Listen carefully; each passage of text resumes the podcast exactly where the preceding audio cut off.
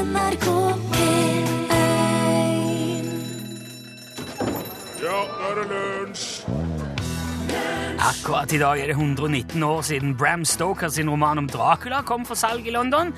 Første filmen kom i 1922, men boka ble ikke gitt ut her i Norge før i 1974. 77 år etter at han kom ut for første gang. Jo,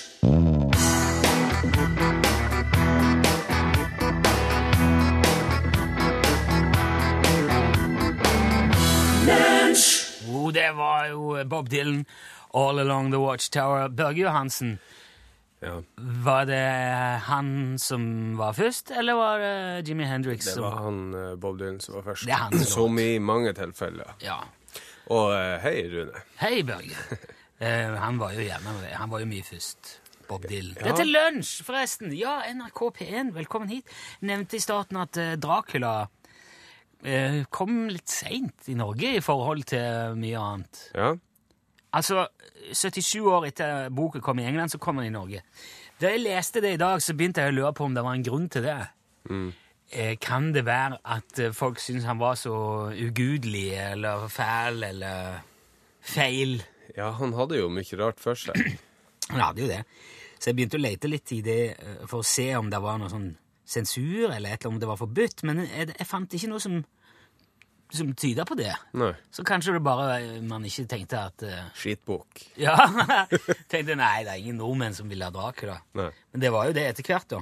I uh, 74. Men det hadde ikke forundra meg, for å si det sånn, om han hadde vært forbudt. For vi har jo lange tradisjoner her i landet for å ja, stoppe og forby både bøker og filmer og, og alt mulig som ikke passer inn i den vedtatte normalen. Ja. Mange eksempler på det. Hans Jæger, for eksempel, eh, han, han fikk virkelig erfare det. Han var jo, eh, for de som ikke kjenner til norsk forfatter, han var anarkist og bohem. Veldig aktiv eh, bohem i Kristiania på eh, 1880-tallet. Og han hadde mm, Han jobba som sånn stenograf på Stortinget, så han refererte Ja. i stortingssalen. Men han skrev òg filosofiske avhandlinger. Han var uttalt tilhenger av determinismen. Så han forkasta all moral og religion. Ja. Og, og det er jo et veldig godt utgangspunkt når du i 1885 gir ut en bok som heter Fra Kristiania-bohemen, som inneholder ikke bare litt sånn eh, kanskje seksuelle skildringer. Vet, altså Det står pornografi i anførselstegn. Jeg må innrømme, jeg har ikke lest boka Nei, sjøl. det har ikke jeg heller.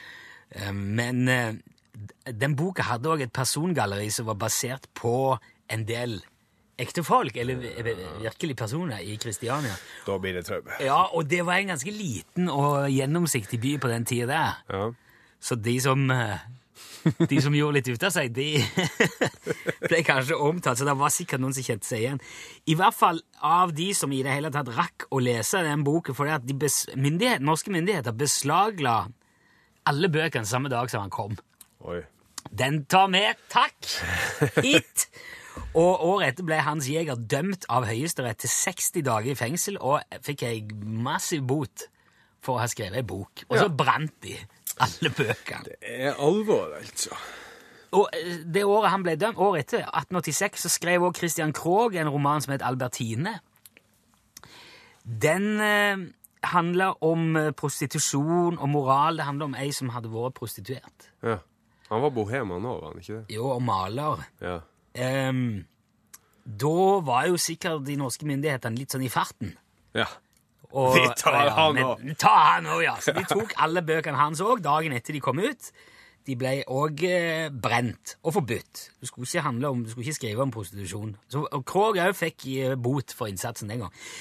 Men eh, tross alt så er jo det der på 1880-tallet. ja. Men da Agnar Mykle ga ut sangen om Den røde rubin, så ble jo den òg forbudt. Og det var på grunn av Den har jeg lest. Ja. Og det er jo noen skildringer der av uh, intim art. Ja. Men at det i 1957 skulle være så ille at uh, boka måtte forbys, det er, det er gale, syns jeg. Nå begynner det å bli, det å bli litt flaut. Nå, nå frikjente Høyesterett den året etter igjen. Så han kom jo ut. Jeg har jo lest han, som sagt. Ja. Eh, men så går det ti år til. I 1967 skriver Jens Bjørneboe uten en tråd. Nei, forbudt igjen. Dette her kan vi ikke ha. Nå nærmer oss 70-tallet her. Ja, på den tida var jo eh, verden ganske frigjort. Iallfall en stor del av den vestlige verden. Ja, ja, vi begynner vel eh, nesten å nærme oss den seksuelle revolusjonen. Ja. eller hvis, ja, nå jeg kjenner jeg på tynn is, men, eh, men det, var, det hjalp ikke, det. Den har jo òg blitt frikjent senere, så, så, så nå kan jo alt leses.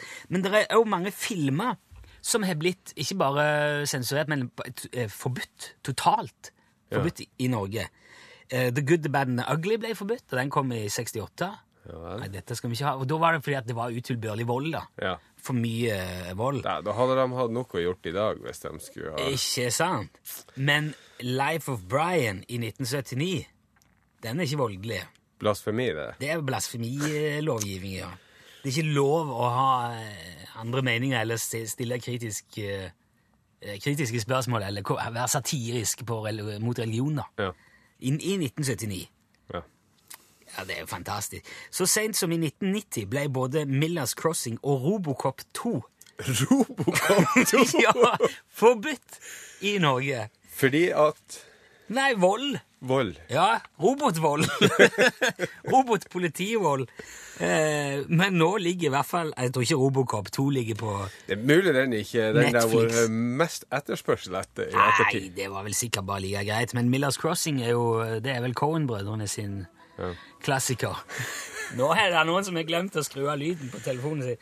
Det var ikke jeg denne gangen. Nei, det var meg. Men det er jo mer eller mindre slutt på den typen sensur i Norge nå.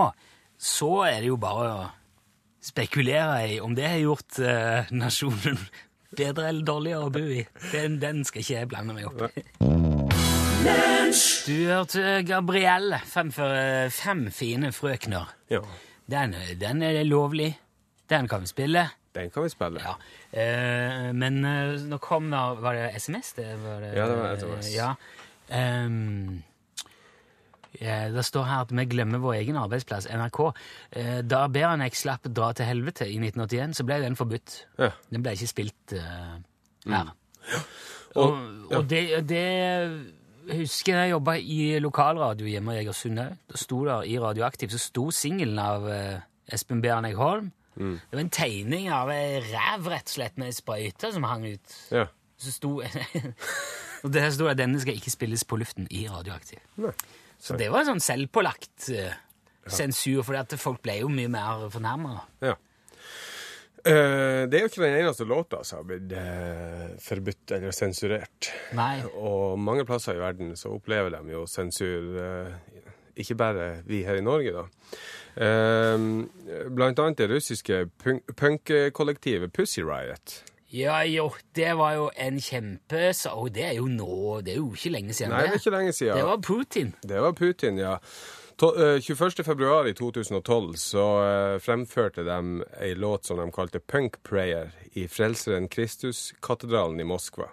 Den er basert på en Rakhmaninov-stubbe fra 1905. Å ja, ok, så det er klassisk. Ja, Men eh, teksten handler nå i grove trekk om å fri oss fra Putin. Ja. Eh, Men de, de, det var nå De tok seg inn i ei kjerke Ja. og avbrøt vel en gudstjeneste av noe slag. Ja, det er jeg ikke sikker på, men i alle fall så var de nå ikledd sånn balaklava, og eh, Ja. det var vel ikke helt i stil med den russisk-ortodokse kirka, det der. Ehm, så de ble jo selvfølgelig arrestert. Um, den russiske russisk-ortodokse kirka uttalte eh, etter hvert da at eh, selv om det der var krenkende mot millioner av mennesker, så burde statsmyndighetene utøve nåde mot dem, i pakt med loven og i det håp om at de skal avstå fra å eh, Ja, altså, gjenta blasfemi. da. Så, så kirka gikk og Eller Ja, de, eh, tilga Ja, med seg som, som de jo skal.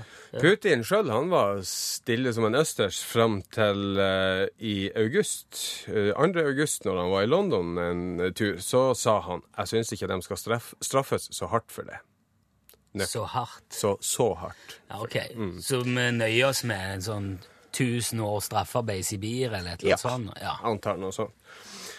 For de ble i alle fall fengsla i to år. De satt inne i to år Ja. for å ha framført en sang. Ja, og det var innholdet i teksten da som uh, var Og det gikk på han, det gikk på Putin. Ja da, de synger jo 'Fri oss fra Putin', og ja, der er noe det, det er en del innhold i den teksten som han og eh, de russiske myndighetene ikke syns var så veldig kult. Ja, det er drøyt.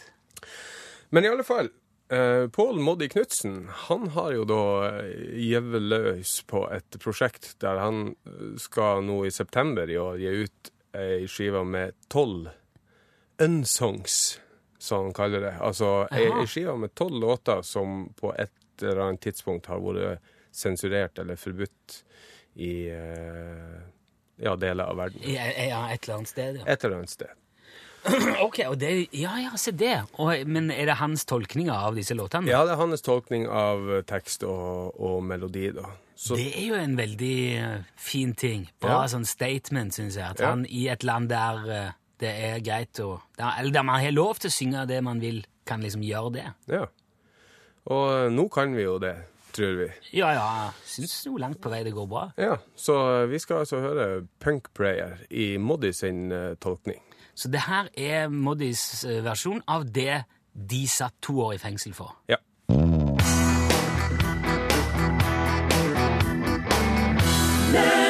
Punk Prayer av uh, Moddi.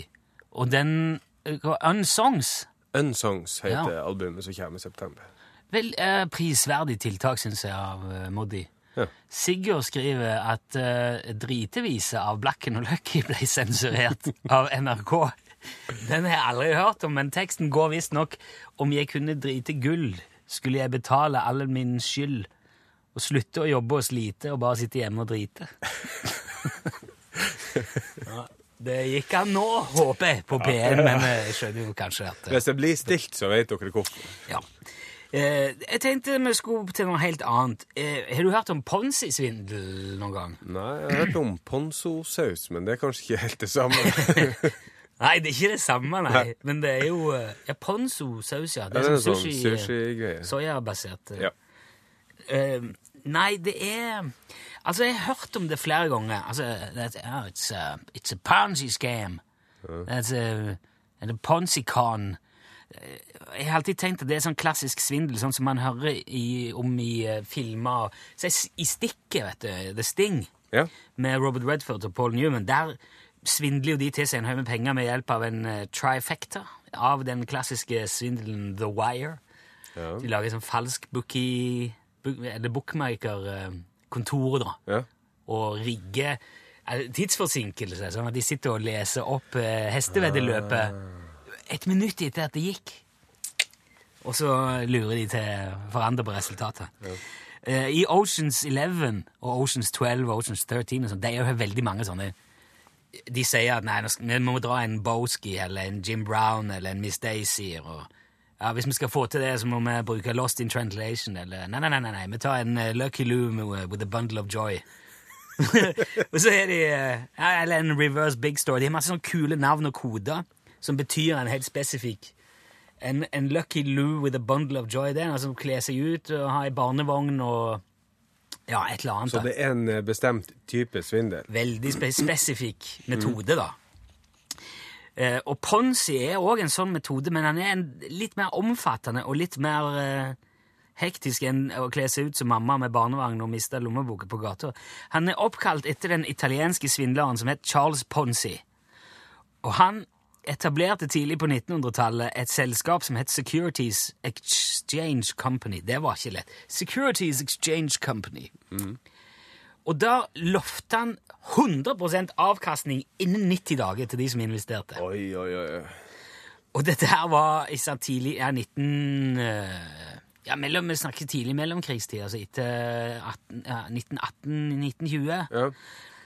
Um, og han fikk til det Han sa at grunnen til at han hadde så god avkastning, var fordi at han spekulerte i portotransaksjoner i den europeiske økonomien, som var veldig sånn ustabil etter første verdenskrig. ja. Men det han egentlig gjorde, var jo bare å ta inn penger. Og når de hadde gå- ifra mer og mer og mer folk, og så når de liksom første hadde skutt inn uh, etter 90 dager, altså ga han dobbelt tilbake. Og så tenker jeg ja, ja, dette her gikk jo kjempebra, så vi hiver inn igjen. Og så snakker de sammen. som vi snakker, det er et klassisk pyramidespill. Ja, ja, ja. Det er Ponzi. Eh, Ponzi-svindelen, da. Um, Problemet med en sånn Ponzi-svindel er at han vil jo ha begrensa levetid. For før eller siden så vil jo litt for mange av investorene si at eh, nei, nå vil jeg gjerne bare ha ut pengene mine. Ja. Og når, når for mange gjør det, så bare klapper de sammen som, eh, som en vannbakkelse som du åpner døra på litt for tidlig. Og det gjorde de òg med Charles Ponzi sitt selskap i 1920. Han ble dømt til fem års fengsel for svindel. Men så ble han jo historisk, da, for nå er jo denne metoden oppkalt etter han. Ja, det er jo et utall av selskap som er basert på den der Ja, da, metoden. da er det. Og kanskje det mest kjente er jo eh, Bernard, eh, Bernard Madoff. Han dro Ponzi. Det var en god, gammel Ponzi han Madoff dro. Han, da han ble, eh, altså han starta et selskap i 1960, et hedgefond som han kalte opp etter seg sjøl. Og da han eh, ble arrestert i 2008, så ble han anklaga for å ha svindla eh, folk for 50 milliarder dollar. Det er ikke småtteri. Det er ikke småtteri på en Ponzi. Og han ble jo òg dømt til 150 års fengsel. Så Han sit- ble det? Ja, han, han gjør det. Han, der sitter han. Eh, T5 PC, husker du kanskje? Ja, er 5 community. Ja. De er litt sånn i nær, De er nærmer seg Ponzi. Eh, De har klare elementer av det, men det er nok allikevel TA Invest som regnes som norgeshistoriens største Ponzi. Ok. Det var òg en sånn aksjespareklubb som opererte fra 96 til 2009. Så lenge? altså. Ja. Og folk eh, sparte jo i aksjer, satte inn penger. To- så- Gjerne tok opp lån for å kjøpe aksjer. ikke sant? Ja, ja, ja. ja, ja. Og så på, eh, plutselig i 2009 så sier uh, selskapet avvikla. Ha det bra. Snakkes. Hei, hei, hei, hei, sa folk. og så ble de jo anmeldt og tiltalt for å ha svindla til seg 340 millioner kroner Det er ikke så verst, det heller. på Ponzi. Men allikevel, da, så kommer det, dukker opp ting hele veien. Det har ikke vært noe sånn veldig stort i Norge, men men det har visst vært eksempler på folk som gjør det, men nå har de blitt litt som at de flytter seg utenlands. Ja. Så de registrerer selskap i utlandet og lurer folk ifra. Men du vet hva de sier, det blir jo født en ny idiot hvert minutt. Ja. Så det er jo alltid noen å lure.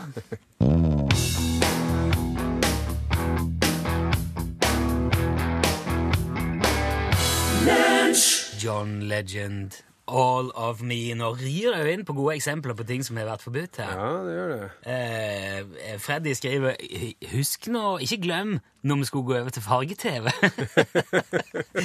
Den er fin, da. Ja, da. Vi sier nei. Det får være måte på her i Norge. Vi skal ikke ha farger på fjernsynet. Ja. Det sier vi nei til. Einar Førde han parerte jo bra da. Ja, altså sier, altså, Vi godtar at synda har kommet til jorda, men vi vil ikke ha henne i farger. Nei.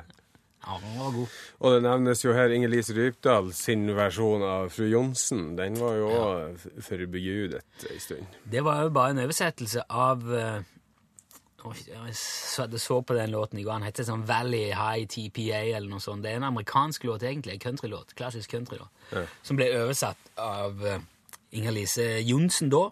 Nå Ja. Rypdal. Eh, Fru Johnsen. Mm. eh, fra eh, Styrelsen for høy moral. ja. Var ikke det? Kul sang. Ja, veldig kul sang. Eh, men det er jo andre ting å ta for seg her, skal vi se. Lunsj, radiogram 73, 88, 14, 80 Hei, det er Ingunn. Hei, Ingunn. Det var jeg som anbefalte Tranøy i går. Ja, Men dere, den ligger ikke på Senja. Den ligger på Hamarøy ut mot Ofotfjorden. Ha det bra. Alt ligger på Senja. Du bare According to me. tar til det. Nei, det, Å, det er noe som er fint på Senja. ja, det er klart. Nei, jeg eh, beklager så mye. Det er riktignok Tranøy på Senja òg, og der er det òg veldig fint. Men hun mente Tranøy i Hamarøy. Ja. Og det er helt sikkert òg fantastisk. ja. Vakkert. Det er jo det i Nord-Norge. Ja, det er vel funnet ut. Ja. Ja, men eh, da var det, da var det redegjort for. Yep. Hei. Hei. Det er meg fra Hell igjen, du. Hei. Jeg har et uh, steika stort problem. Jeg blir så jævla tørr på øynene. Hver gang jeg ringer til et eller annet sånn telefonbyrå eller et eller annet sånt, så uh, blir jeg så fryktelig tørr på øynene. For der får jeg beskjed bestandig om et, et øyeblikk. Jeg tør ikke å blunke på det den stunda. Så uh, jeg vurderte om vi skulle få ordna det ordet til å bli et tøyeblikk. For det er veldig tøyelig begrep, det der. Jeg håper dere kan hjelpe meg med det. Forandre på ordet. Takk. Ha det. Ha det. Vi kan jo, bare, vi kan jo prøve å uh, si et tøyeblikk. Ja. Men ja, jeg hørte jo nå når jeg sa det, at det er litt bøklete, for det, det blir Det blir et to. tøyeblikk. Ja. Ja. Et tøyeblikk. Jo, men du kan jo bare oppfatte Men bare begynne å oppfatte sånn, du, på hell. Ja, er Et akkurat, som, tøyeblikk. Akkurat and Ramblers. Ja. Jeg vet helt sikkert at eh, bandet sjøl ikke eh, tenkte på det når de lagde bandnavnet sitt, men eh, med, hvis du legger vrangvilje til, så kan det bli Testikkelsbergen, ja. Ja. Ramblers. Ja. Det var en avsporing. Ja, hei. Det er Flabben på Bjørnøya her. Flabben! Eh, Bjørn Ove. Takk for svar, forresten. Det var veldig bra. Da vet vi alt om flabb. Eh, både brei og tynn. Eh, jeg har tenkt litt på det her med, med internett og teknologien som har kommet, og har jo vært med på utviklinga fra det første nettleser Netscape, og ja, det var veldig sånn eh, enkelt i forhold til de mulighetene vi har i dag. Men eh, jeg vet ikke hva som er beste på, på, på bruk av internett. E-post er jo kjemperett. Men jeg tror det må kanskje være Google. På Google der kan du finne alt mellom himmel og jord. Eller gjør den egentlig det?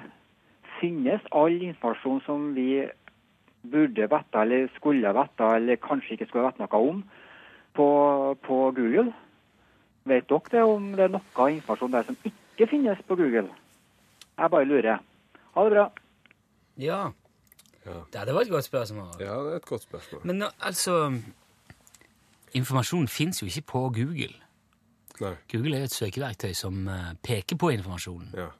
Så de indekserer bare info som andre har uh, lagt tilgjengelig. Ja. Eh, men de har, vel, de har vel noen sånne algoritmer de òg, som gjør at når du søker, så får du opp de, de mest populære treffene øverst. Ja. Og så kan du vel òg til en viss grad eh, kjøpe deg inn der. Ja, det kan du. Det, ja. Sånn eh, og så er det metoder jeg har hørt for å manipulere det der Google-søkeren, sånn at du kan få folk til å eh, gjøre noe greier på nett. Mange, mye, ofte.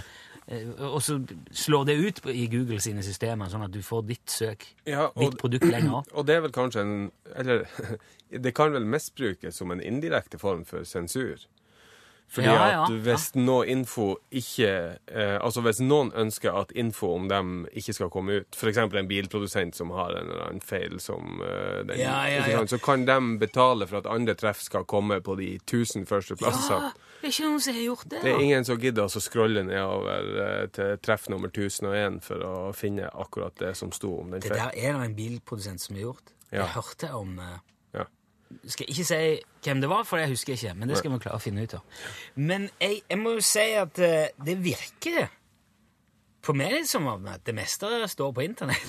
Ja, det aller meste står, står nok sikkert der. Eh, Men det han la jo til, som folk flest bør vite For det er jo noe med at Ja. hvis jeg kjenner at det klør litt på ryggen nå, så er jo det info som Google ikke har, men det er jo ikke noe som folk bør vite. Nei, så hvis du Ok, men da finner du ikke Børges rumpeklø på Google, da. Og det er kanskje like greit. Ja, det er greit. Det er Bjørn Ødegård som uh, ringer inn til programposten Lunsj. Hei, Bjørn. Hvis du vil ha en god dag og ha det riktig bra, så kan du skru på radioen til lunsjprogrammet Tralala. Lunsj er et fint program som tar alle fine gåter, og de tar opp alvorlige ting på humoristiske og bra måter. Ha en god dag. Ah, den fortjente en sliten en. Tusen takk, Bjørn. Lunsj, radiogram 73, 88, 14, 80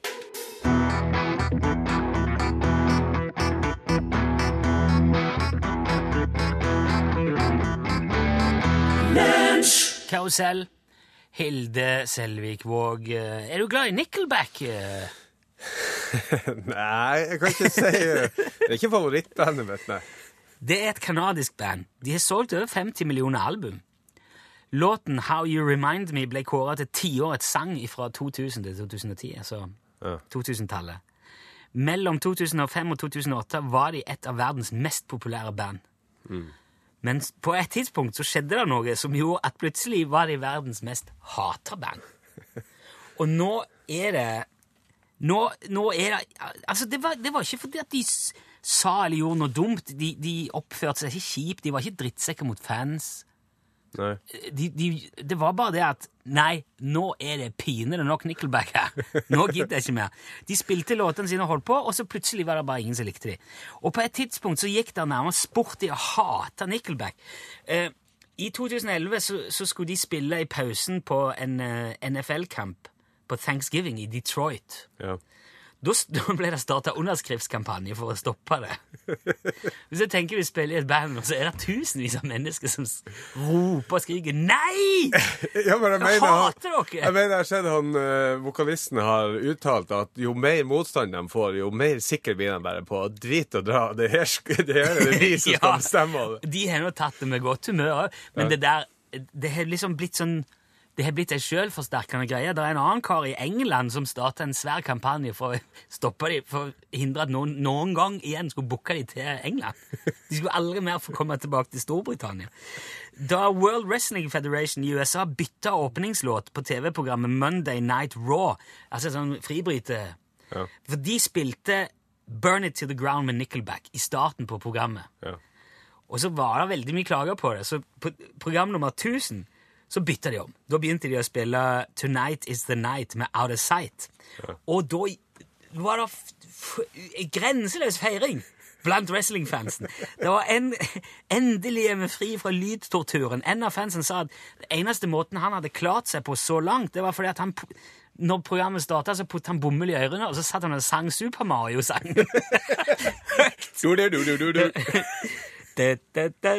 Nei, ja, nå, nå datt han ut. Eh, det er mange gode grunner til at folk ikke liker Nickelback. En ting er det såkalte Good Charlotte-syndromet, som også er blitt kalt Keisha-syndromet, og som nå også kalles Nickelback-syndromet. Det er det at låtene deres låter veldig likt. Ja. De har liksom en formel som de er veldig tro mot, en sånn plagsom tro. I tillegg så er jo Nickelback en levning etter grunchen, som Nirvana sparka i gang i sin tid, men de er veldig sånn polert og strigla og ryddig. Det er liksom snill grunge. ja, og det Ja. Mm. Det, det, er, det passer liksom ikke helt i hop. Nei, det gjør ikke det. Eh, og så spiller de eh, De spiller på mange av de samme strengene, men de gjør det veldig sånn forutsigbart. Litt kjedelig. Og de siste seks-sju årene så har òg gitarrocken mista en del fotfeste. For eller, hiphop og elektronika og dubstep og sånn andre Veldig mye elektronisk nå. Og da er det jo, hvis du skal begynne å, å utelukke gitarband, da ryker Nickelback fort. Nei, det skal i hvert fall ut. Men det er ikke bare det som har lagd det hatet heller. For det, er- altså, det er ikke bare musikken, mener jeg, som gjør at For nå er de mobbeoffer. Alle kan snakke drit om Nickelback. Standup-komikere, program... alle. Ja. Det er en sånn, en, det er sånn en underforstått greie. Hva er drit? Nei, det er jo Nickelback. Det er jo, det er jo dårligere Nickelback, dette her. Nei, det går ikke an. Det er ingenting som er dårligere Nickelback. Så det er blitt en sånn trend å hate dem. Det er riktig og i tide. Eh, Det er like rett å hate Nickelback nå som det er å digge Kvelertak. Ja. Ikke sant? ja. Eh, og, og musikken er bare en del av det. Resten er mote. Er det ikke deilig å ha noen å hate, så er det Raga Rakas. Og det deiligste å hate av musikk nå, det er Nickelback. Eh, Selv om, må jeg få si, at det låter tidvis veldig tøft. Ja, det gjør det. Ja, det gjør det! Du Men kommer- eh, nå har jo vi bare hørt et par låter med dem. Det kan jo hende hvis du har hørt 30 at du hadde jo, Jo, men jeg har funnet frem Skal få høre litt av den der som de spilte på wrestling-programmet. Ja. Som folk holdt på å gå galne av. ja. Og jeg vil bare høre hører på dette her, jeg vil påstå at dette her skyldes ikke musikken. Nei. Det er fordi det er Nickelback. Tøff gitarlyd. Ja, hør på det her.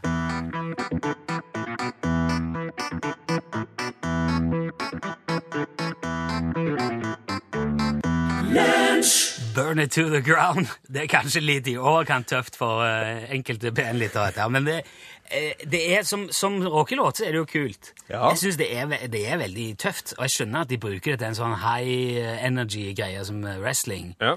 Uh, men eh, når refrenget kommer, så er det jo egentlig litt pent. ja, det er jo en koselig poplåt. Ja, koringa blir nesten litt country. Ja. Men eh, det er jo ikke bare Nickelback som er hata av folk, og jeg er helt sikker på at alle har noe de hater. Ja. Og eh, om det er trekkspillmusikk, eller folk som ikke bruker blinklys, eller rogalendinger, eller Toyota, eller sushi, eller Nestlé er veldig uh, populært å hate. Cola. Ja, Apple, Microsoft, røykere, lunka pils, unger som skriker på fly. Det er jo Hva hater du? Eh, Nei, jeg, jeg prøver å hate minst mulig, fordi at det ødelegger jo bare for meg sjøl, men det er ja, Nei, jeg kommer ikke, jeg kommer ikke på det. Eller bare tør du ikke si? Nei, jeg kommer ikke på det. Ja, for jeg har tenkt på at eh, det er jo vel altså det man, Når man liker samme ting, så finner man jo gjerne sammen. Man kan bli gode venner med noen fordi at man liker samme bandet. Ja. Og har liksom et lidenskapelig forhold til det. Eller den samme filmen eller boka. Ja.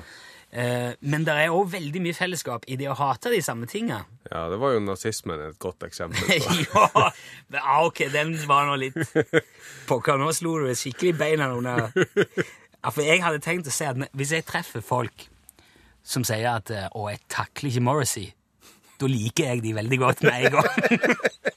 altså, tidligere vokalisten i The Smiths, Ja. nå bare Morrissey. Og fanatisk Ja, Vegetarianer. Altså, for eh, ja, Morrissey og Axel Rose det er kanskje de mest motbydelige artistene jeg kan tenke meg. Med, med de der Oasis Gallagher-brødrene på, på delt tredjeplass. det Hvor bra at Axel Rose er blitt aktuell i det siste. Åh, da. ikke si det engang! Han har ødelagt alt, hele ACDC-verden.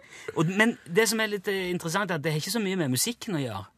Det er, det er personen. Ja.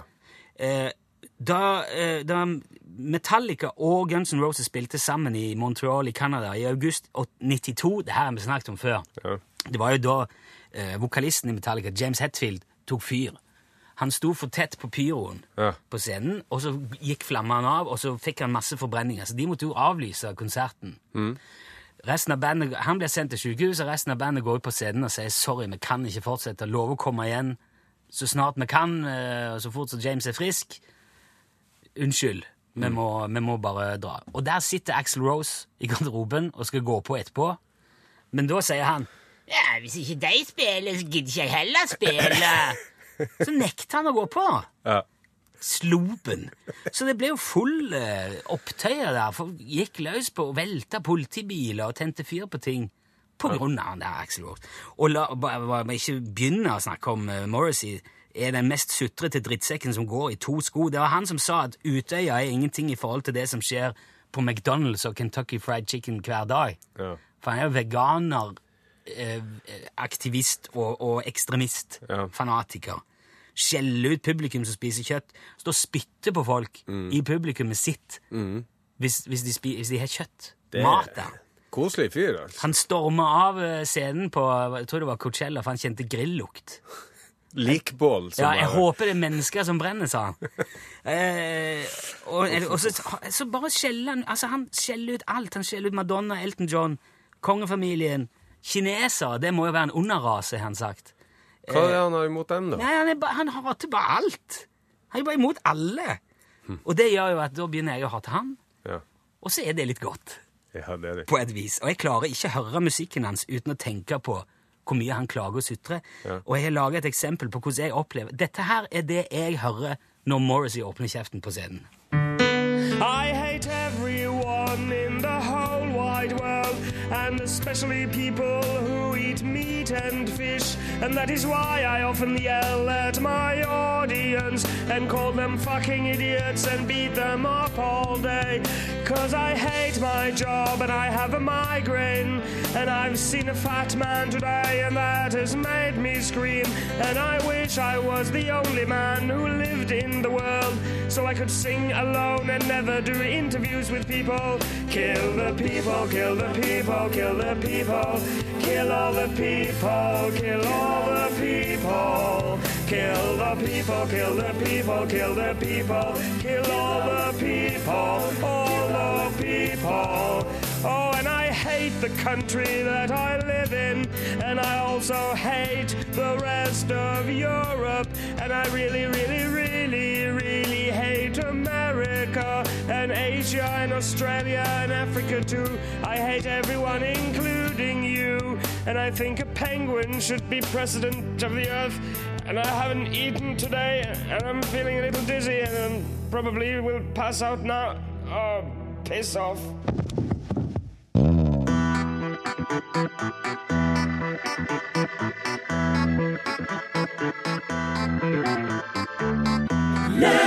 Elvis Presley, uten sammenligning for øvrig. eh, Før det hørte du Morrissey tolkning. La meg bare kort nevne, selvfølgelig heter låten Harper Valley PTA, og han ble sunget av Inger-Lise Andersen, ikke Johnsen.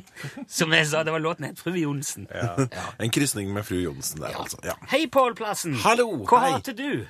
Du, i dag så skal vi prate om Altså, Sånn som når jeg kom inn i studio nå, så drev jeg og dansa litt til denne her fine låten. Og gjett om jeg hadde hatt en tenåringssønn eller datter da, for eksempel, om de hadde blitt flaue. Ja, det tror jeg. Hadde dere opplevd at uh, ungene deres har blitt flaue av dere? Ja, garantert. Og det gir meg bare mer bensin på båten. Jeg blir enda teitere. Hva gjør du da, for eksempel? Nei, det er, Hvis jeg danser eller sier sånn og kose, kose, klemme og sånt når vi er på skolen og sånt. Nemlig. Og i Ja. Runar, har du opplevd noe lignende? Ja, ja, mange ganger. Jeg, Ja. jeg prøver bare. Og så er jeg veldig glad for det at jeg nå som far så kan jeg drive sånn dårlig pappahumor. Jeg kan si ja, men Kari liker jo ikke is. Joho! sier jeg. Sånn sørlandsanekdote. herlig. Åh, og i Norgesklasse i så skal foreldrepanelet vårt nettopp diskutere det her når ungene blir flaue. Ja, der sa han et sant ord. Hør flere podkaster på nrk.no podkast.